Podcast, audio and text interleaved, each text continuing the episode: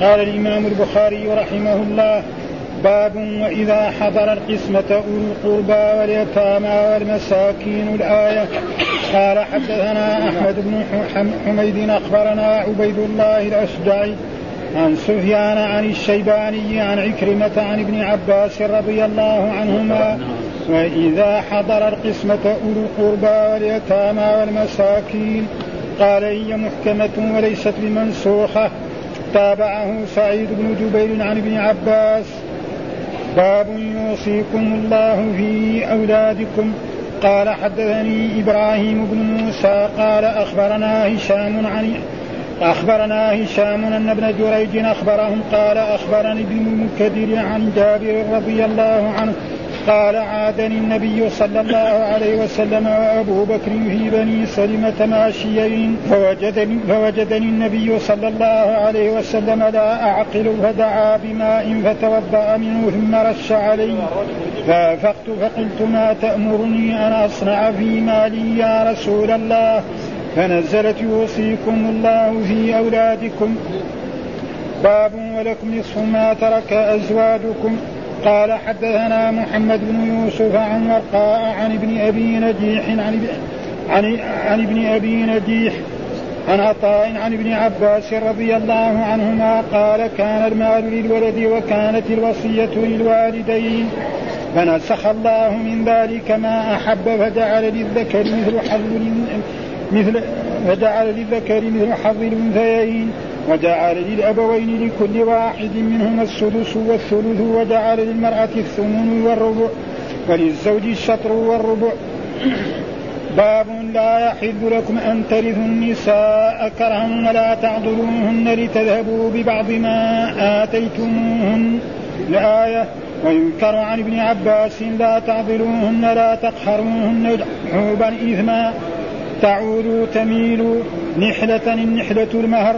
قال حدثنا محمد بن مقاتل قال أخبرنا أسباط بن محمد قال حدثنا الشيباني عن عكرمة عن ابن عباس قال الشيباني وذكره أبو الحسن الشوائي ولا أظنه ذكره إلا عن ابن عباس.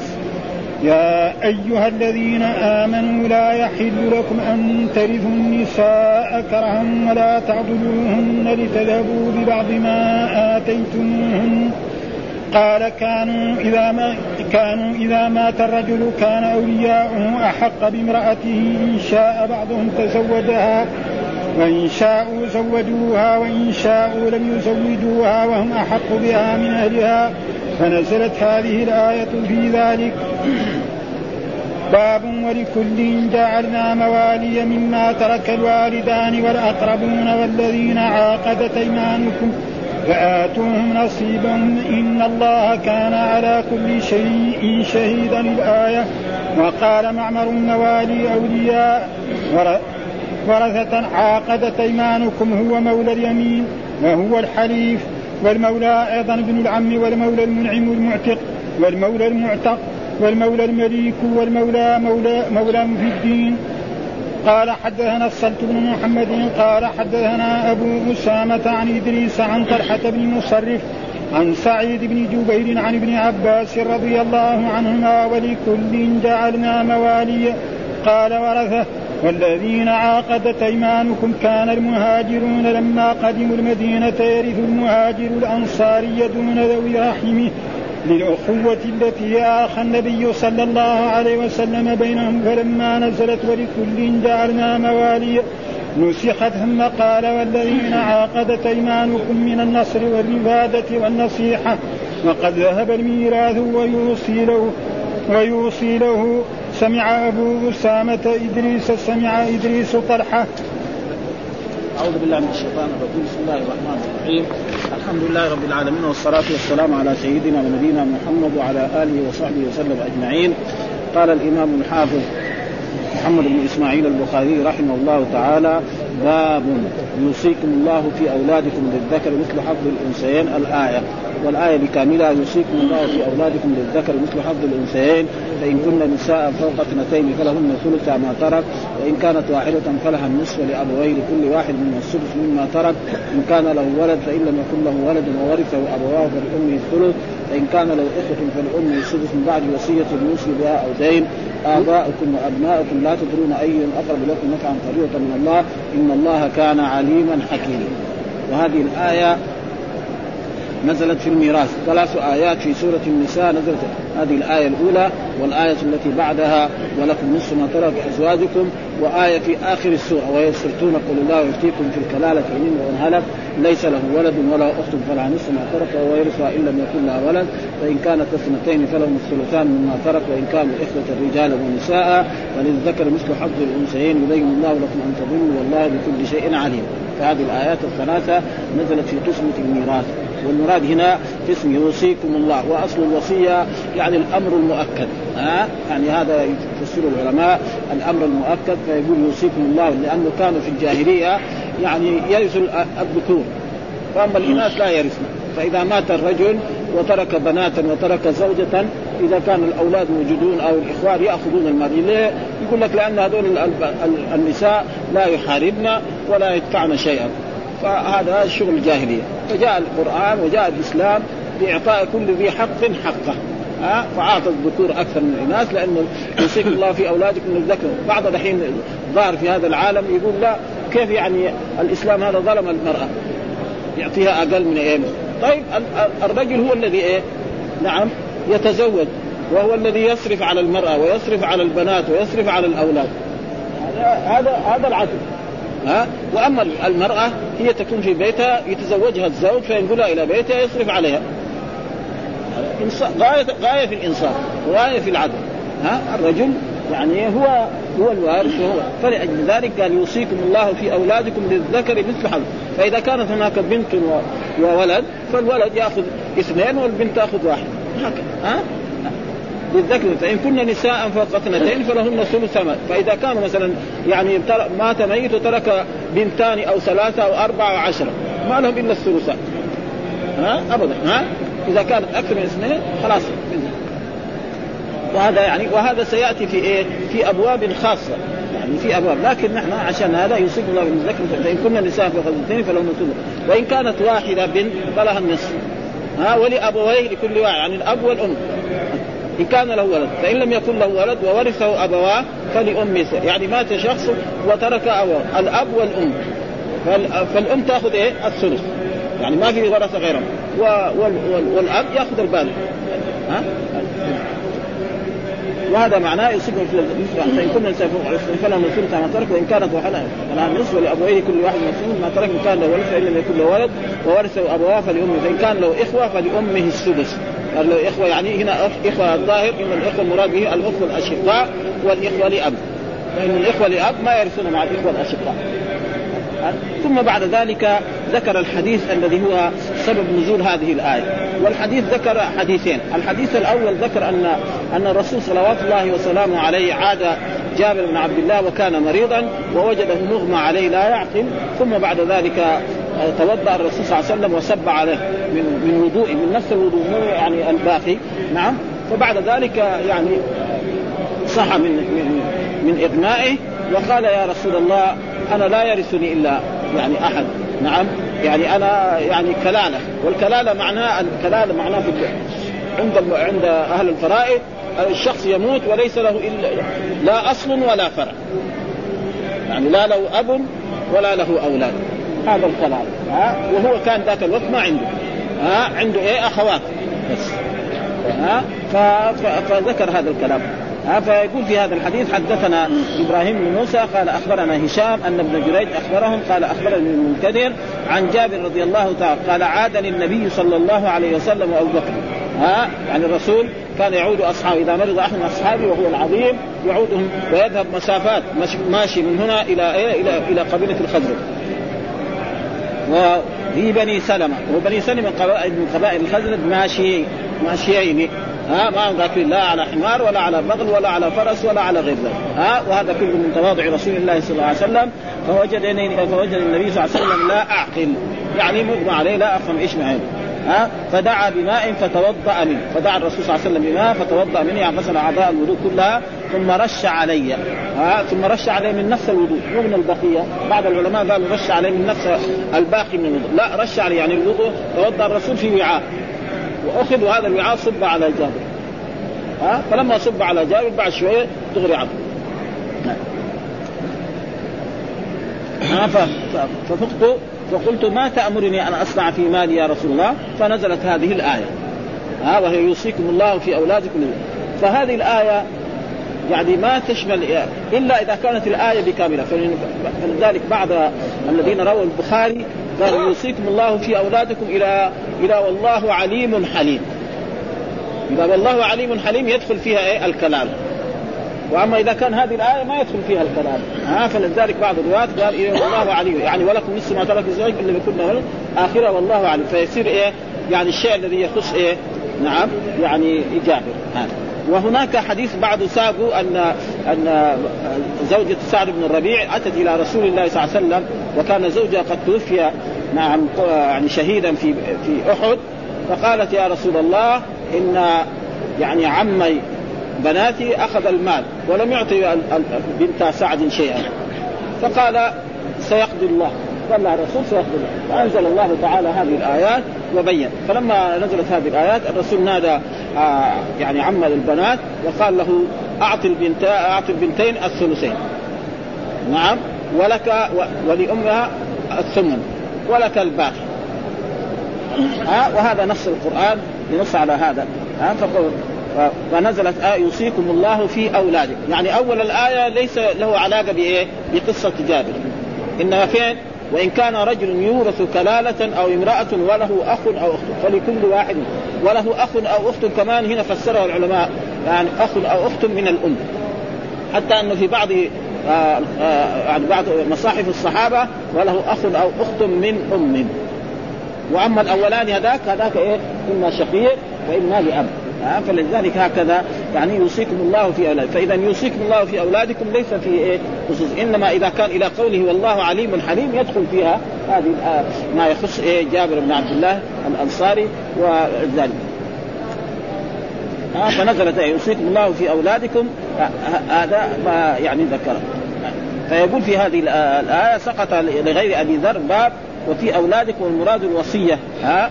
المراد بالوصية هنا بيان قسمه يعني المراد بالوصية يوصيكم. إيش معنى؟ قسمة الميراث. قال أخبرنا هشام بن يوسف بن المنكدر عن جابر وفي رواية شعبة عن ابن المنكدر سمعت جابرا. يعني ما قال عن لأن العن عن هذا فيها ها سمعت جابرا. وتقدم في الطهارة عاد للنبي صلى الله عليه وسلم وسيأتي ما يتعلق بذلك في كتاب المرضى قبيل كتاب الطب في بني سلمة بفتح المهملة وكسر اللام وهم قوم جابر وهم بطن من الخزرج.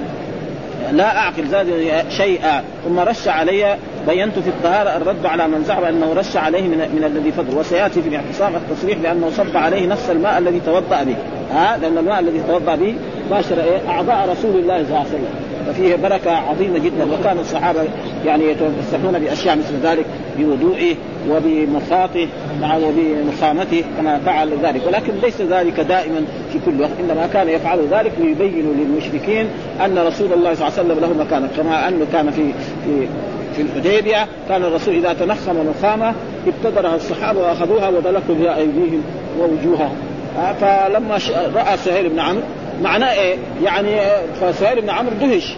يقول أنا رأيت كسرى وقيصر. أكبر الناس العظم ذلك كسرى. ما حد يتمسح بمخاط كسرى ولا قيصر. ظرف هذا. ها فمعناه إيه؟ يعني إن إنكم يا قريش لا تصلون إلى محمد حتى هذول ال 1400 يموتوا كلهم. ها؟ إذا ماتوا ال 1400 الذي في صلح الحديبية ممكن ذاك يتصل إلى محمد. وأما قبل أن يموتوا هذول ال 1400 لا. ها؟ ولذلك كان الرسول إذا توضأ كمان بيجي يأخذ هذا ولكن ما كان دائم. وهذا فيه دليل على أنه لا بأس بإيه؟ بمثل هذه الأشياء. قال ولمسلم عن منكدر كان آخر آخر هذا الحديث فنزلت آية الميراث. فقلت لمحمد يستفتون قل الله يفتيكم في الكلالة. قال هكذا. وقد تفطن البخاري بذلك. فترجم في أول ورائد قوله يوصيكم الله في أولادكم إلى قوله والله عليم حليم إذا قال والله عليم حليم يدخل في إيه؟ قصة ثانية. ها وإن كان رجل يورث كلالة أو امرأة وله أخ أو أخت فلكل واحد من فإن كانوا أكثر من ذلك فهم شركاء في بعد وصية يوصى بها أو دين غير مضار وصية من الله. والله عليم حليم. خلاص. ها؟ ثم هنا في هذه الآية يقول يعني من بعد وصية يوصى بها أو دين. يعني قد يقول مثلا إذا الوصية أولى من الدين. لا. الدين أول إذا مات الإنسان يتعلق بماله أشياء ثلاث. أول تجهيزه الشيء الثاني بعد ذلك الدين. ثم بعد ذلك الوصية. ثم بعد ذلك الميراث. ها؟ والآية قدمت الوصية ليه؟ عشان الوصية قد ينكرها الورث أما الدين لا إذا واحد دين إنسان ياخذ منه سند بكره يجي يقول لي للورثة إن لي على أبيكم كذا مبلغ من هذا السند هذا خطه ما يقدر. أما الوصية يقدر يشق آه، آه، الورثة يشقوا الوصية. يخفوها. ها لكن الدين الدين مين اللي يثبتوا؟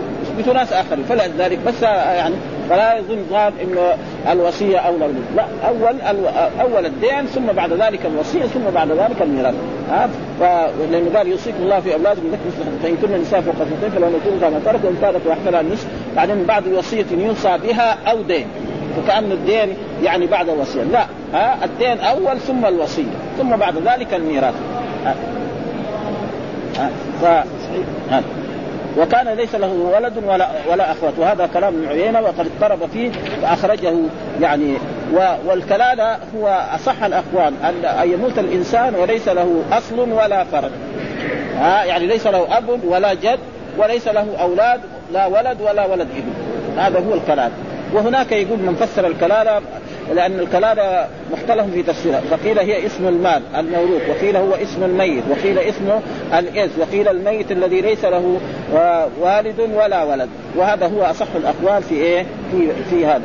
آه، قال يوسف وقد أخرجه الشيخان آه، البخاري أيضا عن ابن المديني عن الجعفي بلفظ نزلت آية الميراث. والحاصل أن المحفوظ عن ابن المنكدر أنه قال آية الميراث أو آية الفرائض والظاهر أنها يوصيكم الله كما صرح في رواية ابن جريج ومن تابعه. وأما من قال إنه يستفتونك وهذه لا جاءت في الآخر. هذه آخر آية نزلت في إيه؟ في ما, ما يتعلق بالفرائض. والسبب في ذلك أن مساوي يسألوا إيش هو الكلالة؟ إيش الكلالة؟ فجاءت الآية الأخيرة الذي يستفتونك قل لا يفتيكم في الكلالة إن امرؤ هلك. ليس له ولد وله اخت ها؟ معنى ليس له ولد وليس له كمان إيه؟ أب. وليس له جد. وإن كان الآية ما جاءت لكن هذا كان تفسير الصحابة وهذا. نعم ف نزلت في آية المواريث آية المواريث نزل قبل قبل مدة كما أخرج أحمد وأصحاب السنن وصححه الحاكم من طريق محمد بن عقيل. وقال يا رسول إن, إن يا رسول الله هاتان ابنتا سعد بن ربيع قتل أبوهما معك في أحد. ها وإن عمهما أخذ مالهما. قال يقضي الله في ذلك. فنزلت آية الميراث فأرسل إلى عمها فقال اعط ابن ابنتي سعد الثلثين وأمهما الثمن فما بقي فهو لك. وهذا ظاهر في تقدم نزولهما.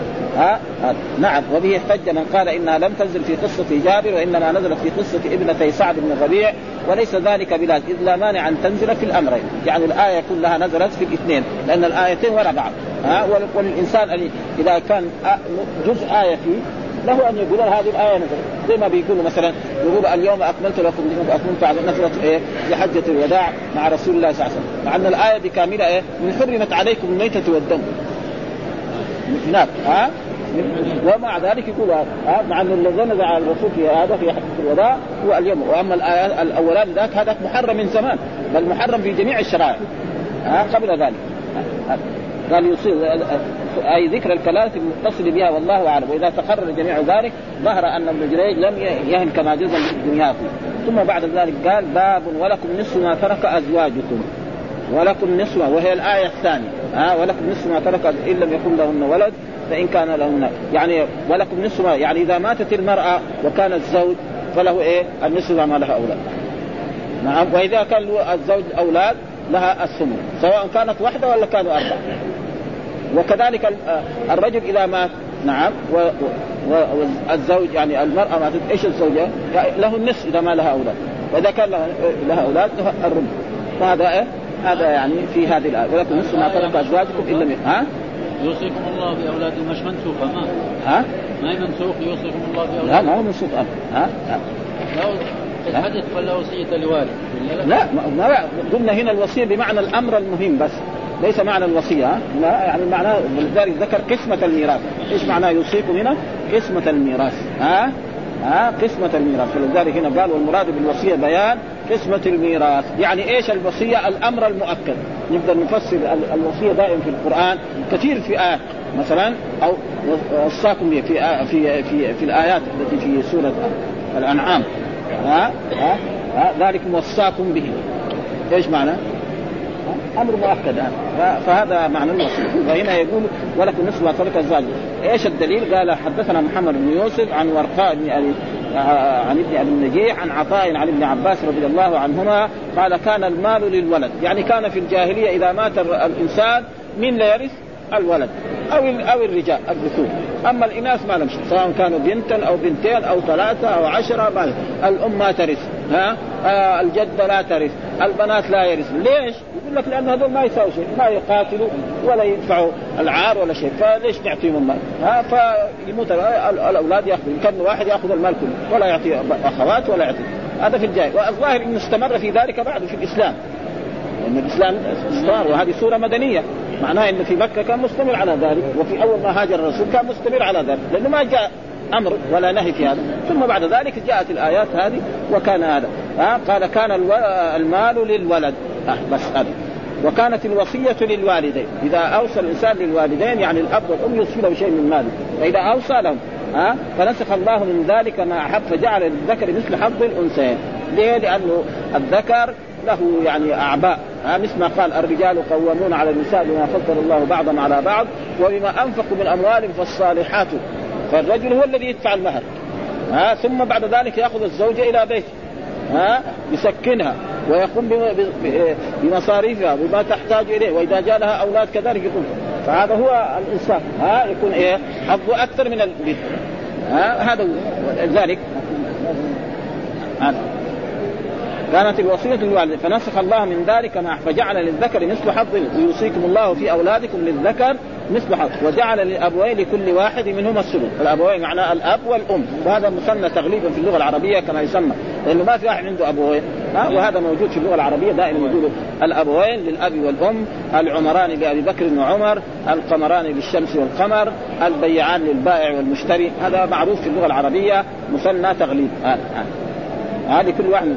والثلث يعني لأبوين لكل واحد منهما الثلث أو يكون إيه؟ آه، الثلث يكون لإيه؟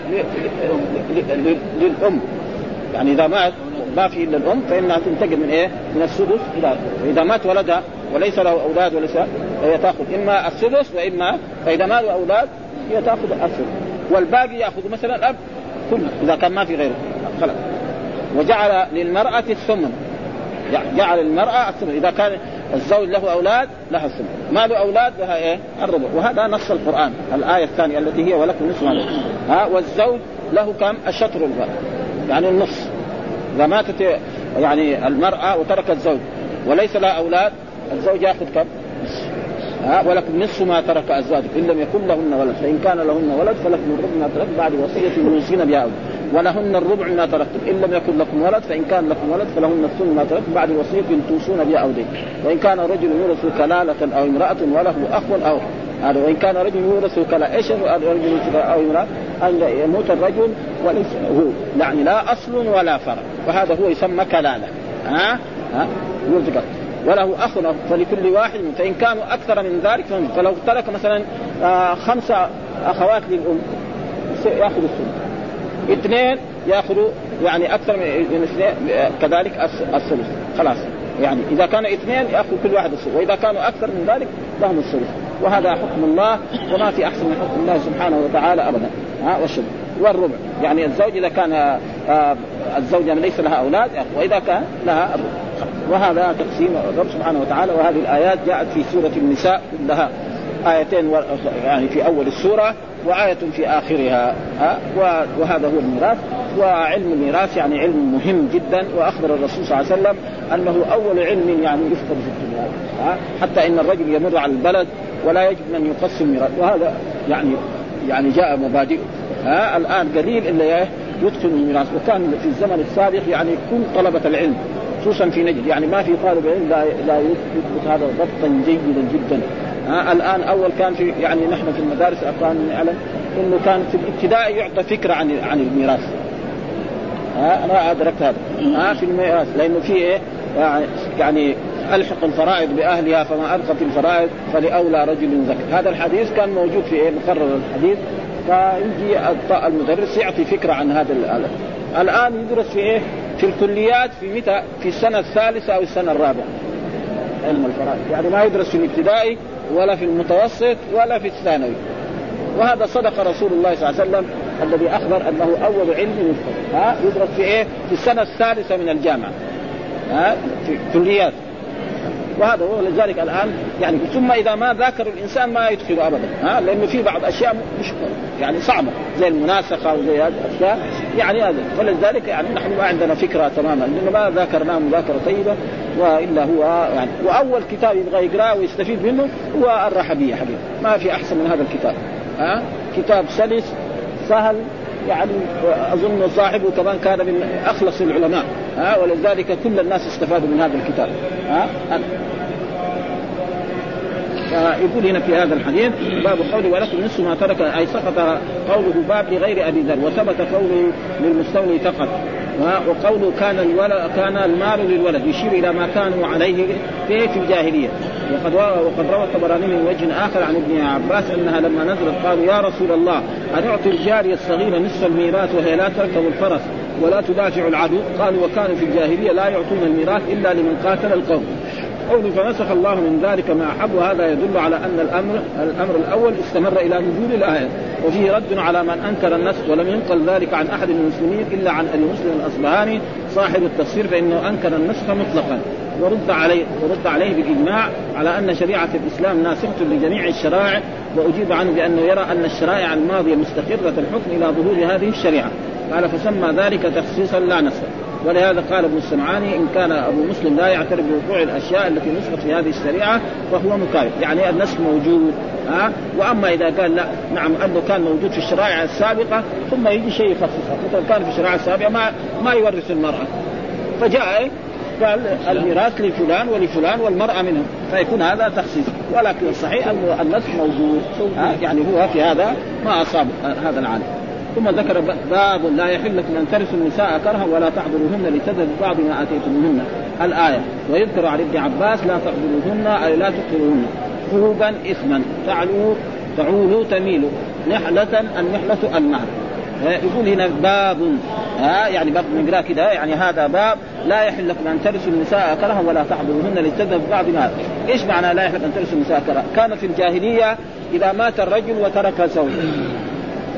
إيش يساووا أهل الجاهلية؟ يجي ولد الميت هذا ويضع. كان إذا مات الرجل وترك زوجة يجي أحد أولاده أو أحد أخوانه أو أبناء عمه ويضع على هذه المرأة صومه وتصير هذه المرأة اذا حب يتزوجها هو وإذا حب يزوجها لغيره. ولا يمنعها من الزواج حتى تموت ويرثها. شغل ها؟ ظلم بالظلم هذا هذا كان شغله ها؟ وبعض بعض التفاسير ذكروا ان هذه في المرأة التي لم يدخل بها ولكن الظاهر أنه كله يعني يمكن ناس حتى في المرأة التي دخل يعني رجل يكون عنده زوجة ويتزوجها ويجامعها وتجيب أولاد ثم بعد ما يموت يروح ولدها يتزوجها. وتجيب فراش له ها؟ مع انه الإسلام يمنع ذلك. هذا لا يحلق أن ترثوا النساء كرها يعني إيه؟ يعني يموت الرجل ويترك زوجه فيجي ولده ويتزوجها. ما يبغى يتزوجها يقوم يزوجها لآخر ويأخذ الميراث الصداق أو يحبسها عن الزواج لا تتزوج أحدا حتى تموت. هذا ظلم وعدوان. فجاء القرآن لا يحل لكم أن ترثوا النساء ولا تعضلوهن لتذهب بعض ما كذلك تعضلون العضل معناه المنع. وهذا فسره بعض بعض هذا. الرجل يكون عنده زوجة. نعم متزوجة وهو يكرهها. يعني ما هي مناسبة له. فيقوم يضايقها. حتى إيه؟ ترد المهر حقه. فهذا ظلم ها هذا العضل ها يعني رجل يكون متزوج مرأة وهو كاره لها لا ما هي مناسبة. فيقوم إيه يضايقها تسوي معاه مشاغبات كل يوم كل يوم كل يوم كل يوم حتى في الآخر تقول له أنت تزوجتني بكم؟ بعشرة؟ تفضل هذا العقد فيقوم ياخذ إيه صداقة يستمتع بها نعم سنة أو سنتين أو سنين. مع أن الرجل إذا يعني اتصل بزوجته مرة واحدة يعني آه، الصداق صار إيه؟ ملكا له خلاص. ها ليس له أن يأخذ ولا قرش واحد. خصوصا اذا غلى ها فلا يعني ولا يحلف أن ترسل ولا تعضلوهن لتذهبوا ببعض ما آتيتموهن. ها لتذهب يعني كان لها باقي من الصداق عشرة فيصير يضايقها حتى تكون مسامحتك بس طلقني ها فهذا حرام لا يفعل الآية ها ويذكر عن ابن عباس. ها ودائما إذا قال البخاري يذكر عن ابن عباس يعني دا يعني هذا يعني زي ما يقول تعليق. ها والتعليق دائما البخاري إذا قال يذكر ذكر لنا الحافظ في أول ما قرانا المقدمه حقته إذا قال يذكر معناه هذا تعليق فيه ضعف.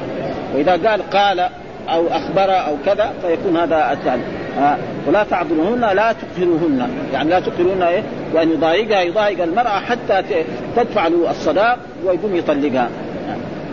حوبا اثما إيش الحوب؟ معناه إنه كان آه، حوبا. يعني اثما وتعول أي تميل. والنحلة معناه النحلة معناه المال. يعني يعني إيش ذكر في نفس الآيات اللي في هذا نحله إيش هو النحله؟ المهر. فليس له إيه؟ يعني كانوا يزوج المرأة ويأخذ الصداق حقه ويتصرف فيه الرجل. بل يروح الأب يروح يمكن يأخذ الصداق حق بنته ويروح يتزوج هو ولا يعطيها شيء. ها؟ فالصداق ملك لمن؟ للمرأة. فإذا هي أعطت أب الأب شيئا أو أعطت أحد اقاربها هذا شيء آخر. أما هو فليس له أن إيه أن يتصرف في هذا المال وهذا معناه يعني إيه طيب إيش الدليل الذي يدل على ذلك من الحديث المرفوع؟ قال حدثنا محمد بن مقاتل قال أخبرنا أسباط ابن محمد قال يقول أسباط هذا الحافظ يقول أنه ليس له حديث في صحيح البخاري إلا هذا الحديث. ما روى يعني البخاري عنه إلا هذا. حدثنا الشيباني عن عكرمة عن ابن عباس. قال الشيباني وذكر أبو الحسن السوائي ولا أظن ذكره إلا عن ابن عباس. يا أيها الذين آمنوا لا يحل لكم أن ترثوا النساء كرها ولا تعبدوهن لتذهبوا بعض ما آتيتموهن. قالوا كان إذا مات الرجل كان أولياؤه أحق بامرأته. هذا كان في الجاهليه إذا مات الرجل وكان له أولياء. أولياء معناه ولده أخوه عمه ابن عمه. هذا معنى ها؟ يعني ها كان منه إن شاء بعض تزوجها وإن شاء وإن شاءوا زوجوها وإن شاءوا لم يزوجوا. وهم أحق بها من أهلها. يعني أبوها ما يجي يأخذها. أخوها ما يجي يأخذها. هذا ظلم وعدوان فالاسلام ما يقبل هذا. فنسخ الله ذلك الحكم وأبطله ونهى عنه. ها؟ لا يحل لكم هذا نهي. والنهي يقتضي التحريم. فلا يجوز لرجل يفعل ذلك مع أي إنسان. فنزلت هذه الآية وهي قول يا أيها الذين آمنوا وآمنوا يعني صدقوا الله ورسوله. هي سورة مدنية ودائما يا الذين آمنوا لا يوجد إلا في السور المدنية. كل القرآن لا تجد يا أيها الذين آمنوا إلا في السورة أما في السورة المكية فلا تجد فيها يا أيها الذين آمنوا. أبدا. ها؟ وهذه السورة سورة مدنية سورة النساء. يقول يا أيها الذين صدقوا الله لا يحل لكم أن ترثوا النساء كرها يعني أن يعني يموت الأب أو القريب فيمنع المرأة هذه من الزواج. نعم ويبعد إما يتزوجها هو أو يزوجها لغيره أو يمنعها من الزواج حتى تموت ويرثها. ولا تعضلوهن كذلك الرجل يكون عنده مرأة وتكون سيئة الخلق مثلا يقوم يضايقها يضايقها حتى تدفع المهر أو يطلقها فهذا فيه نهي وهذا منع. وفسر بعض العضل أن الرجل مثلا يعضل بناته وأخواته ما يزوجه. آه كما تقدم لنا في آية في سورة البقرة أنه ولا تعضلوهن أن رجلا من الصحابة كان يعني زوج أخته لرجل ثم طلقها. ثم بعد ذلك بعد ذلك أراد يتزوجها فجاء إلى إلى زوجني له ما ازوج قال له أول زوجتك هي أول تمس وطلقتها كمان زوج فأنزل الله تعالى وضعت تعبدون أن ينكحن أزواجهن إذا تراضوا بينا بالمعروف. ذلك يوعظ بمن كان منكم يؤمن بالله واليوم الآخر. ذلكم أزكى لكم وأطهر. الله يعلم وأنتم لا تعلمون. فيقول هنا في هذه الآيات لا يحل لكم ترثوا النساء كرها سقط باب وما بعد وما وما بعد. ها؟ وما كرها لغير أبي ذر كذلك وقوله كرها أو كرها. في بعض يقرأ نحو قراءة حفص يقرأ كرها. وفي قراء يقرأ كرها. مصدر في موضع الحال قرأ حمزة والكسائي بالضم والباقون بالفتح. نحو كرها. شكلها بال ويذكر عن ابن عباس ولا تعبدوهن لا تقروا وفي رواية الكسمين تنتهروهن بنون بعدها. والصحيح لا لا تقروا لتذهب بعض ما يعني الرجل يعني الرجل تكون له المرأة وهو كاره لصحبتها وله عليها مهر فيضرها لتفتدي وأسند عن السدي والضحاك نحوه عن مجاهد أن المخاطب بذلك أولياء المرأة كالعضل المذكور. والصحيح لا. ها هو هذا. في سورة ثم ضعف ذلك ورجح الأول. حوبا اسما. وصل ابن أبي حاتم. ها؟ يعني هذا يعني كلها تعاليق بإيه؟ وصل ابن أبي حاتم بإسناد صحيح عن أبي داود عن عن عكرمة عن ابن عباس. في قوله تعالى إنه كان حوب قال اثما عظيم. ووصل الطبراني من طريق مجاهد والسدي والحسن وقتادة مثله والجمهور على على ضم الحاء. على ضم الحاء. وعن الحسن فتح حوبا. ها؟ وبعضهم يقرأها حوبا. ها؟ تعول أي تميل. وصل كذلك سعيد بن منصور بإسناد صحيح عن سعيد بن جبير عن ابن عباس. ذلك أدنى الا تعولوا قال الا تميلوا ها؟ أي وقول نحلة فالنحلة المال كذا لأبي ذر ولغيره بغير بغير فاء. يعني نحلة. ها؟ فالنحلة بس نحلة بدون إيه؟ فاء. قال الاسماعيلي كان ذلك من تفسير البخاري. ففيه نظر قد قيل فيه غير ذلك. وأخر من الوجيه أن النحل ما يعطونه من غير عوض. يعني يعني شيء غير غير الصلاه لكن يزن آتوا صدقاتهن نحلة. آتوا النساء صدقاتهن نحلة. قال النحلة الماء. وروى الطبراني نحلة أي فريضة. والفريضة هي بمعنى يعني برضو النحلة في كلام العرب الواجب. وقال ليس ينبغي لأحد أن ينكح إلا بالصداق. ولذلك الصداق لازم يعين ويكون هذا يعني أحسن للناس من إيه؟ من الشقاق. يعني يبغى يتزوج المرأة يقول لها صداق كذا. فكونه يسلم كله أو يسلم الجزء يكون معروف. أما يتزوجها بعد ذلك لا يعني يكون الصداق ما هو متعين يحصل خلاف. فلذلك لا نكاح إلا نعم بولي وصداق وشاهد عدل. وهذا دائما يقطع الايه الأشياء المحظوره والأشياء وكذلك ويقول هذه الآية آه يعني بعضهم يقول أن الآية هذه نزلت فيها ونقل عن تفسير مقاتل نحو إلا أنه خالف في اسمه إيه؟ ابن أبي قيس قال قيس ومخالف وروى الطبراني من طريق ابن جريج عن عكرمة أنها نزلت في قصة خاصة قالت نزلت في كبشة بنت معن بن عاصم من الأوس وكانت تحت أبي أبي قيس ابن الأسلد فتوفي عنها فجنح عليها ابنه فجاءت النبي صلى الله عليه وسلم فقالت يا نبي الله لا أنا ورثت زوجي ولا أنا تركت فانطح كذا ها؟ جاء الولد يقول لها خلاص أنت لا تتزوجي وأنا فهي ما ورثت من زوجها وكذلك ولدها يمنعها من النكاح. فأنزل الله تعالى هذه الآية ولا يحلف يعني الآية التي هي ولا يحلف أن ترثوا النساء ولا تعبدوهن لتجد بعض ما قال إن شاء بعضهم تزوجها وإن شاءوا زوجوها وإن شاءوا لم يزوجوها وهم أحق بها من أهلها. وهذا كان من من من عادات الجاهلية فأبطلها الإسلام وكان الرجل يرث امرأة امرأة ذي قرابته فيعذرها حتى تموت أو ترد إليه الصداق وزاد السدي إن سبق الوارث فألقى عليها ثوبه كان أحق بها وإن سبقت هي إلى أهلها فهي أحق بها. ثم ذكر باب ولكل جعلنا موالي مما ترك الوالدان والأقربون والذين عاقدت لكن نحن لا نعرف عقدت ايمان ها؟ فآتوهم نصيب إن الله كان على كل شيء شهيد. باب باب ولكل جعلنا موالي ها؟ أصل الآية قبلها ولا تتمنوا ما فضل الله بعضكم على بعض. للرجال نصيب مما اكتسبوا وللنساء نصيب مما اكتسبوا. واسألوا الله من فضله إن الله كان بكل شيء عليما ها؟ بعد ذلك قال ولكل جعلنا مواليا يعني إيش السبب في نزول الآيات الأول؟ ولا تتمنوا ما فضل الله بعض. مثلا الله فضل الرجال بأشياء كثيرة. ها؟ فبعض النساء قالوا يا رسول الله نحن ليش ما نقاتل؟ ها؟ ها؟ ونحن ليش ما نفعل كذا؟ وليس لنا من الميراث أقل؟ فأنزل ما تعالى ولا ما فضل الله بعض على بعض للرجال نصيب ما ترك للرجال نصيب للرجال نصيب للرجال نصيب مما اكتسبوا وللنساء نصيب مما اكتسبوا. واسال الله من فضله إن الله بعد ذلك قال ولكل جعلنا موالي الموالي إيش معناه؟ يعني ما الميراث الذي هو الورثة. ها؟ يعني الورثة الذي هم العصبة والأولاد والأخوان والأعمام وهذول هم يعني كل واحد أعطيناه حقه. الله قسم الميراث وأعطى كل ذي حق حق. فلا يعني وصية للورث فالإنسان إذا أراد يوصي يوصي للاجانب أما الورثة ما يوصي. ها؟ يبغى يوصي يوصي للناس ما مثلا له أولاد وله زو زو وله أخ. فله أن يوصي لأخيه.